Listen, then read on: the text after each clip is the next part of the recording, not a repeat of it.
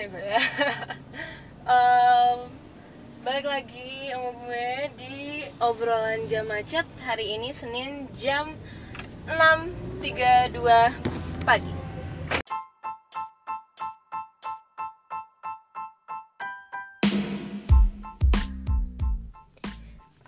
Yo, hari Senin Walaupun ya kita harus mulai hari baru lagi setelah hari Sabtu dan Minggu kita istirahat full udah recharge energi ya hari Senin kita nggak boleh eh, ini ya malas-malasan. Kalau misalnya yang eh, kerja tetap semangat tetap semangat sampai hari Jumatnya harus semangat.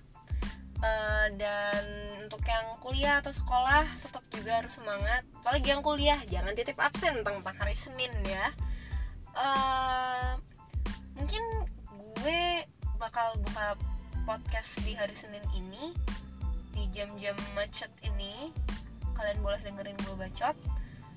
Hmm, di sini udah pada nonton The Night Comes For Us belum sih? Karena eh, gue udah nonton dan itu keren keren banget. Eh jadi hari Sabtu kemarin itu gue kayak nggak ada kerjaan jadi semacam kayak ya ngapain? gitu kan. Jadi ya di kamar gue ya udah nonton jadi kayak gue nonton The Night Comes For Us Eh, setahu gue itu kayak itu kan dari ini ya dari film kita. Dari sutradara kita juga. Pokoknya itu memang bener-bener film Indonesia yang kalau nggak salah gue itu pertama kali masuk di eh, Netflix. Eh, upload lagi gitu kan. Jadi eh, gue lumayan ya bukan lumayan banget bangga banget malah karena ada film kita yang bisa masuk ke ke itu film film kita yang bisa bisa masuk di aduh ya? bisa masuk di Netflix.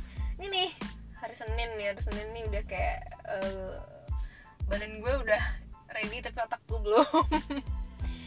Jadi eh, balik lagi. Jadi gue nonton The Night Comes For Us itu dan jujur itu bener-bener amazing menurut gue. Jadi eh, menurut gue itu kan kayak filmnya emang bertabur all stars banget emang bener-bener bertabur bintang banget. Para castnya itu emang bener-bener kayak eh, aktor sama aktris yang emang bener mumpuni gitu.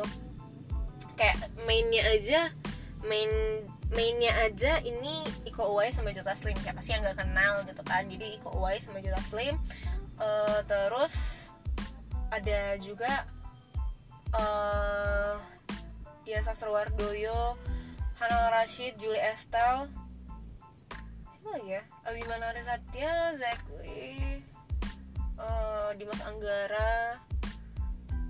Banyak sih banyak. Gue nggak inget semuanya cuma emang yang yang yang gue inget sih ya itu gitu. Jadi eh, setelah gue nonton film itu durasinya kalau salah gue dua jam. Kenapa gue bilang itu bagus bagus dan bikin gue speechless? Karena filmnya pribadi menurut gue pribadi dari segi ceritanya menurut gue original. Karena eh, lain daripada yang lain sih. Untuk kita yang biasanya kan kalau misalnya film kita sih menurut gue untuk yang benar-benar action yang digarap secara apa ya secara total itu jarang menurut gue. Paling yang gue inget ya kayak The Raid apalagi? Eh, The Raid 2 apa lagi ya? Gue kalau misalnya film action mungkin nggak kalau Indonesia tuh nggak terlalu ketemu gue yang mau benar-benar digarap secara secara emang benar-benar total dari pandangan gue ya. Jadi ketemu film ini nih jadi kayak gue langsung amazed sendiri gitu oh wow. Indonesia kita bisa bikin kayak gini gitu. Dan dari segi ceritanya juga kenapa gue bikin kan udah gue bilang kayak dia original dan emang kayak lain daripada yang lain gitu. Karena menurut gue eh, film-film kita kebanyakan sih genre-nya kalau nggak kalau nggak horror komedi eh, romance atau romcom. Dan ini kan action. Dan menurut gue juga kan dari filmnya sendiri banyak influence yang gue temuin sih dari film-film Hong Kong. Kayak eh, karena cerita intinya sendiri sih emphasize ke kehidupan triad sama geng kan. Eh, dan itu jarang sih gue temu. Apa mungkin ada ada kayaknya dari film-film kita yang ngangkat tema itu tapi mungkin aja gue yang nggak nonton. Mungkin gue nggak nonton. Jadi akhirnya ya gue bilang ini film oke okay gitu dari segi ceritanya lain daripada yang lain. Kayak uh, unik dan emang bener-bener digarapnya total gitu. Ini action dan bener-bener digarap total menurut gue. Dan kalau dari apa? Kalau dari hmm, apa ya? Dari segi aktor sama aktrisnya kan udah gue bilang tadi kan kayak dia emang full of stars gitu kan. Emang bener-bener kayak itu uh, bintang-bintang yang ternama lo namain di situ ada gitu loh kayak uh, Dia Sastrodo ya ada. Uh, Rashid ada. Siapa lagi? Julia Estelle ada. Iko Ais Juta Slim ada. Uh, Abimana Resatya ada. Jadi emang bener-bener kayak uh, total gitu loh total emang bener dan kalau gue percaya uh, menurut gue ya film terkadang kan ada film yang emang dari skenario nya bagus tapi uh, aktor sama aktrisnya nggak bisa eksekusi. Menurut gue itu uh, filmnya juga kurang enak buat gue tonton. Dan juga terkadang ada skenario nya mm -hmm, gitu kan kayak nah tapi uh, dari aktor sama aktrisnya bisa untuk mengeksekusi. Dan itu juga nggak enak buat nonton karena menurut gue skenario sama aktor sama aktrisnya skenario dan para pemeran ya menurut gue itu merupakan apa ya satu kesatuan. Jadi kalau misalnya satunya yang kurang ya hasil akan hasilnya kurang. Itu menurut gue. Ya dari perkataan anak yang nggak ngerti perfilman. Ya dari perkataan anak yang gak ngerti cara bikin video dan ngedit video. Ya itu gue. Intinya gue awam sama yang begini. Cuma sok. Um, dan kalau dari aktor sama aktrisnya sendiri itu udah oke. Okay. uh, eksekusinya juga mantep sih menurut gue dari dari apa yang gue tonton. Dan jujur kalau bisa dan bol kalau boleh gue bilang uh, bahan Al Rashid itu benar-benar scene stealer. Sangat sangat scene stealer di film ini. Sebenarnya di beberapa film yang gue lihat ada dia itu kayak Buffalo Boys kemarin Buffalo Boys itu kan uh, banyak orang yang uh, disappoint ya. Karena nggak sesuai ekspektasi dan banyak yang bilang di trailer itu itu yang bener-bener the best cutnya yang dimasukin ke trailer. Jadi orang-orang akhirnya nggak excited lagi nonton gitu. Uh, ya gue rada merasa seperti itu sih pada saat kemarin itu pada saat gue nonton itu. Tapi pada saat gue ngelihat bang Rashid di sana dia sebagai antagonis ya itu kayak gue akhirnya sedih sendiri gitu. Kenapa cuma segitu durasinya? Kenapa? Mana ya cuma segitu actingnya? Kayak itu nggak sampai lima menit kayak semenit sampai tiga menitan gitu. Kayak sekitar tiga menitan doang dia ada di situ gitu kayak oh my god. Itu kayak tiga menit tapi gue suka ngeliat ngeliat ngeliat actingnya itu tuh kayak kenapa nggak lebih lama aja gitu loh? Dan di mana? Di The Night Come For Us ini Mbak Hana Warsi juga jadi antagonis di sini. Dan itu gue kayak ngeliat wow. Itu cara dia apa ya? Pertama dari apa ya? Ekspresi wajah terus kayak dari jadi itu kan banyak fighting scene ya kan dan itu bener-bener di ini sama dengan baik weh. Kayak ah keren banget gitu. Mungkin karena juga dari basicnya mbak Hana Rashid ini uh, atlet ya dulu. Atau apa apa pencet silat apa taekwondo gitu lupa gue kalau nggak salah ya karena memang dari basicnya ya atlet jadi ya bener-bener apa ya gerakan apa ya gerakan tubuhnya sendiri tuh kayak beda gitu loh pada saat pada saat uh, emang fighting scene-nya itu emang bener-bener kayak wow keren banget gitu. Dan Dian Mbak Dian Sastro juga itu kayak uh, kita tahunya kan seorang Dian Sastrowardoyo itu melekat sama kita itu yang namanya ya udah ada, ada apa dengan cinta. Dan gue ya taunya seorang Dian Sastro genre yang biasa dia mainkan itu adalah uh, genre romantis gitu. Kayak uh, ada apa dengan cinta dan kemarin gue sempat nonton juga filmnya yang Aruna dan lidahnya. Oh iya itu keren banget sumpah Aruna dan lidahnya itu. Uh, jadi menurut gue sih di sini itu kayak gue ngeliat itu dia bener-bener beyond my expectation karena uh, gue nggak terlalu berekspektasi tinggi ya sama dia karena gue mikirnya ya dia yang terbiasa gue lihat di di film-film romantis dan tiba-tiba ada di eh, genre action kayak gini belum lagi dengan berbagai fighting scene dan berdarah-darah tuh kayaknya uh, itu bukan bukan bukan seorang desastro banget gitu. Tapi pas gue ngeliat wow. Keren keren keren. Itu emang bener-bener living such an impression banget sih. Uh, acting dari Bahana Rashid dan dia Bandia Sastrowardo itu kayak bener-bener living such an impression ke gue dan kalau misalnya boleh dibilang justru gue nggak terlalu excited ngelihat uh, seorang Mas Cimas seorang Iko Uwais dan seorang Jota Slim uh, di sana gitu. Kayak kita udah tahu ya action Iko Uwais dan Jota Slim ya kita udah tahu reputasi mereka emang udah oke okay banget kalau misalnya di film action gitu. Jadi gue nggak terlalu hmm, gitu. Gue kayak gue bukan ya bukan nah gitu enggak cuma kayak oh ya udah ini Iko Uwais dan Jota Slim uh, di film action. Uh, mereka mengeksekusi dengan baik tapi nggak bikin gue excited. Malah kalau boleh dibilang ya Yasin Stillernya berdua itu. Mbak Rashid satu sama dia Sastro. Itu udah kayak itu udah kayak sesuatu yang how wow gitu. Bikin gue kayak gue bener-bener waktu pas ngeliat itu kayak speechless.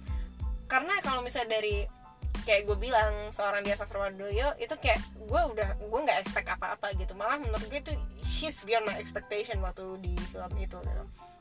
Kalau seorang Hanal Rashid emang kayak gue tahu dia di beberapa film emang uh, ada scene actionnya tapi di sini tuh karena mungkin juga benar-benar banyak uh, scene dia juga lebih banyak kan. Scene dia lebih banyak di sini dan emang benar-benar kelihatan ininya kan. Fighting scene-nya emang disorot sedemikian rupa belum lagi kayak uh, apa ya adegan pisau dan yang lain-lain itu emang bener-bener dieksekut dengan sedemikian rupa ya. Gue ngelihat seorang hmm, Horace dan Dian Sastrowardoyo itu kayak eh ini enggak ini ini ini ini keren gitu. Kayak gue emang bener-bener kehilangan kata-kata gitu. Uh, dan jujur sih gue bangga yang ngeliat ya siapa sih yang nggak bangga gitu? Film kita bisa ada di Netflix gitu.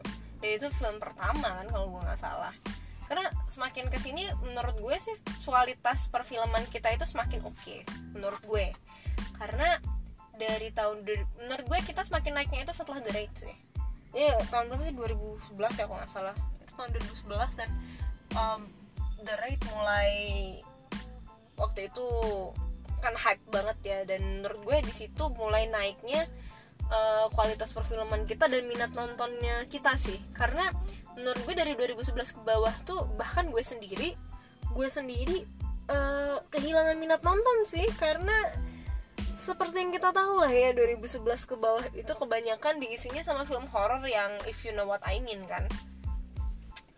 Uh, jadi kayak ya film-film yang berkualitas menurut gue akhirnya ketutup dengan pandangan kita yang bilang alah film Indonesia mah gini-gini aja nggak ada kualitasnya. Akhirnya film-film yang bagus juga sepi penonton gitu. Jadi kayak menurut gue sih itu kayak krisis perfilman banget sih buat buat gue.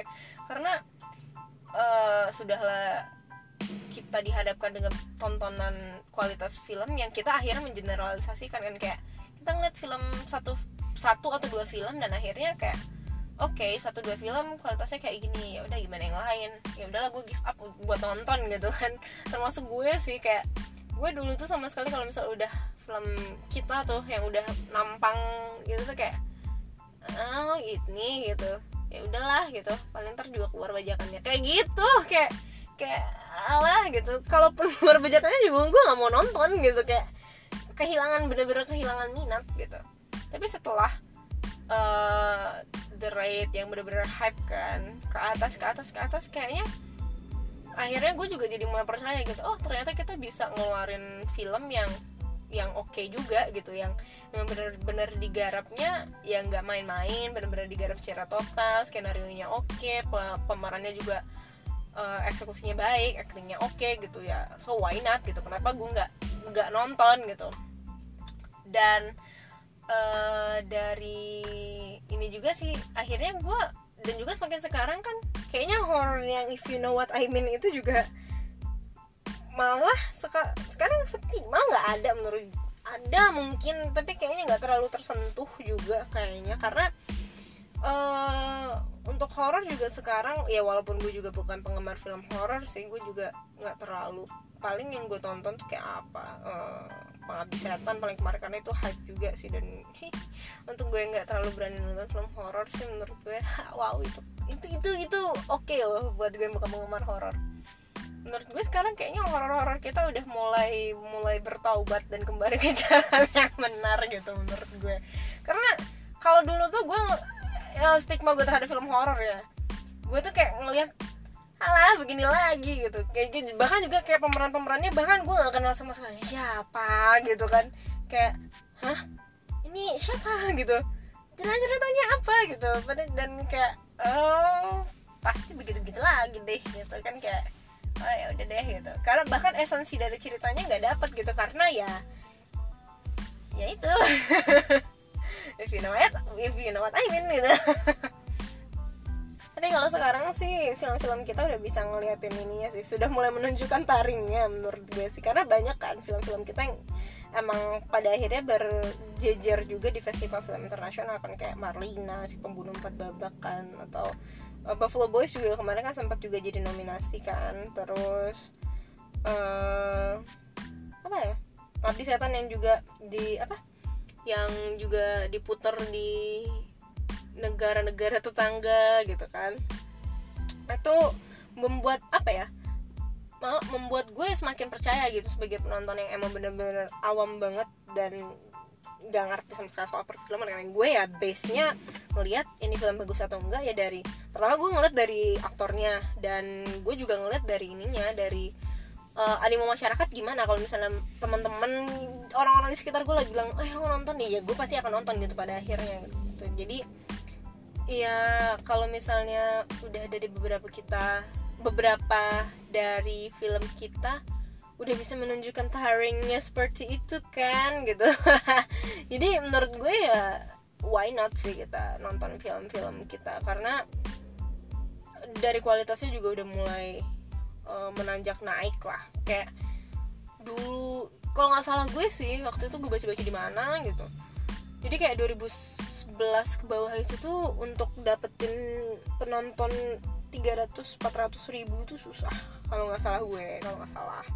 Tapi sekarang tuh kayak 200 200 penonton 300 penonton tuh bisa kayak seminggu doang gitu. Apalagi kayak mana itu lagi hype-hype-nya banget kan kayak Dilan. Itu tuh kayak emang bener-bener satu juta penonton tuh cuma dalam beberapa minggu dalam dua minggu doang udah nggak salah gue udah seminggu uh, udah sejuta lebih orang yang nonton gitu. Jadi menurut gue kayak uh, masyarakat ya udah mulai percaya gitu dengan film-film kita. Mereka nggak lagi ngelihat nggak lagi memandang bahwa film Indonesia ya terkaitnya cuma horror yang yang begitu-begitu aja gitu. Atau film Indonesia nggak cuma uh, film FTV yang di bioskop kan gitu. Enggak tapi kita udah punya kayak jalan cerita yang oke okay, kita udah punya uh, aktor-aktor yang oke okay juga. Dan uh, esensi dari ceritanya sih yang penting yang yang penting menurut gue yang akhirnya bikin kita percaya bahwa oke okay, film kita ternyata bisa bagus juga. Dan itu juga yang gue rasain sih sekarang.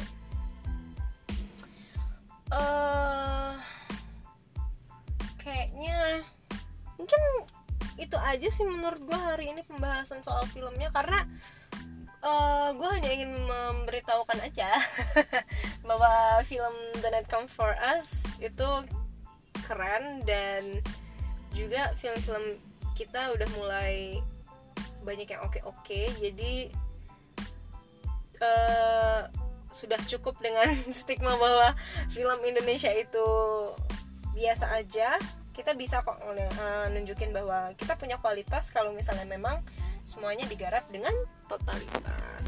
Kayaknya itu aja obrolan jam macet. Uh, gue tutup di jam 7 pagi. Terima kasih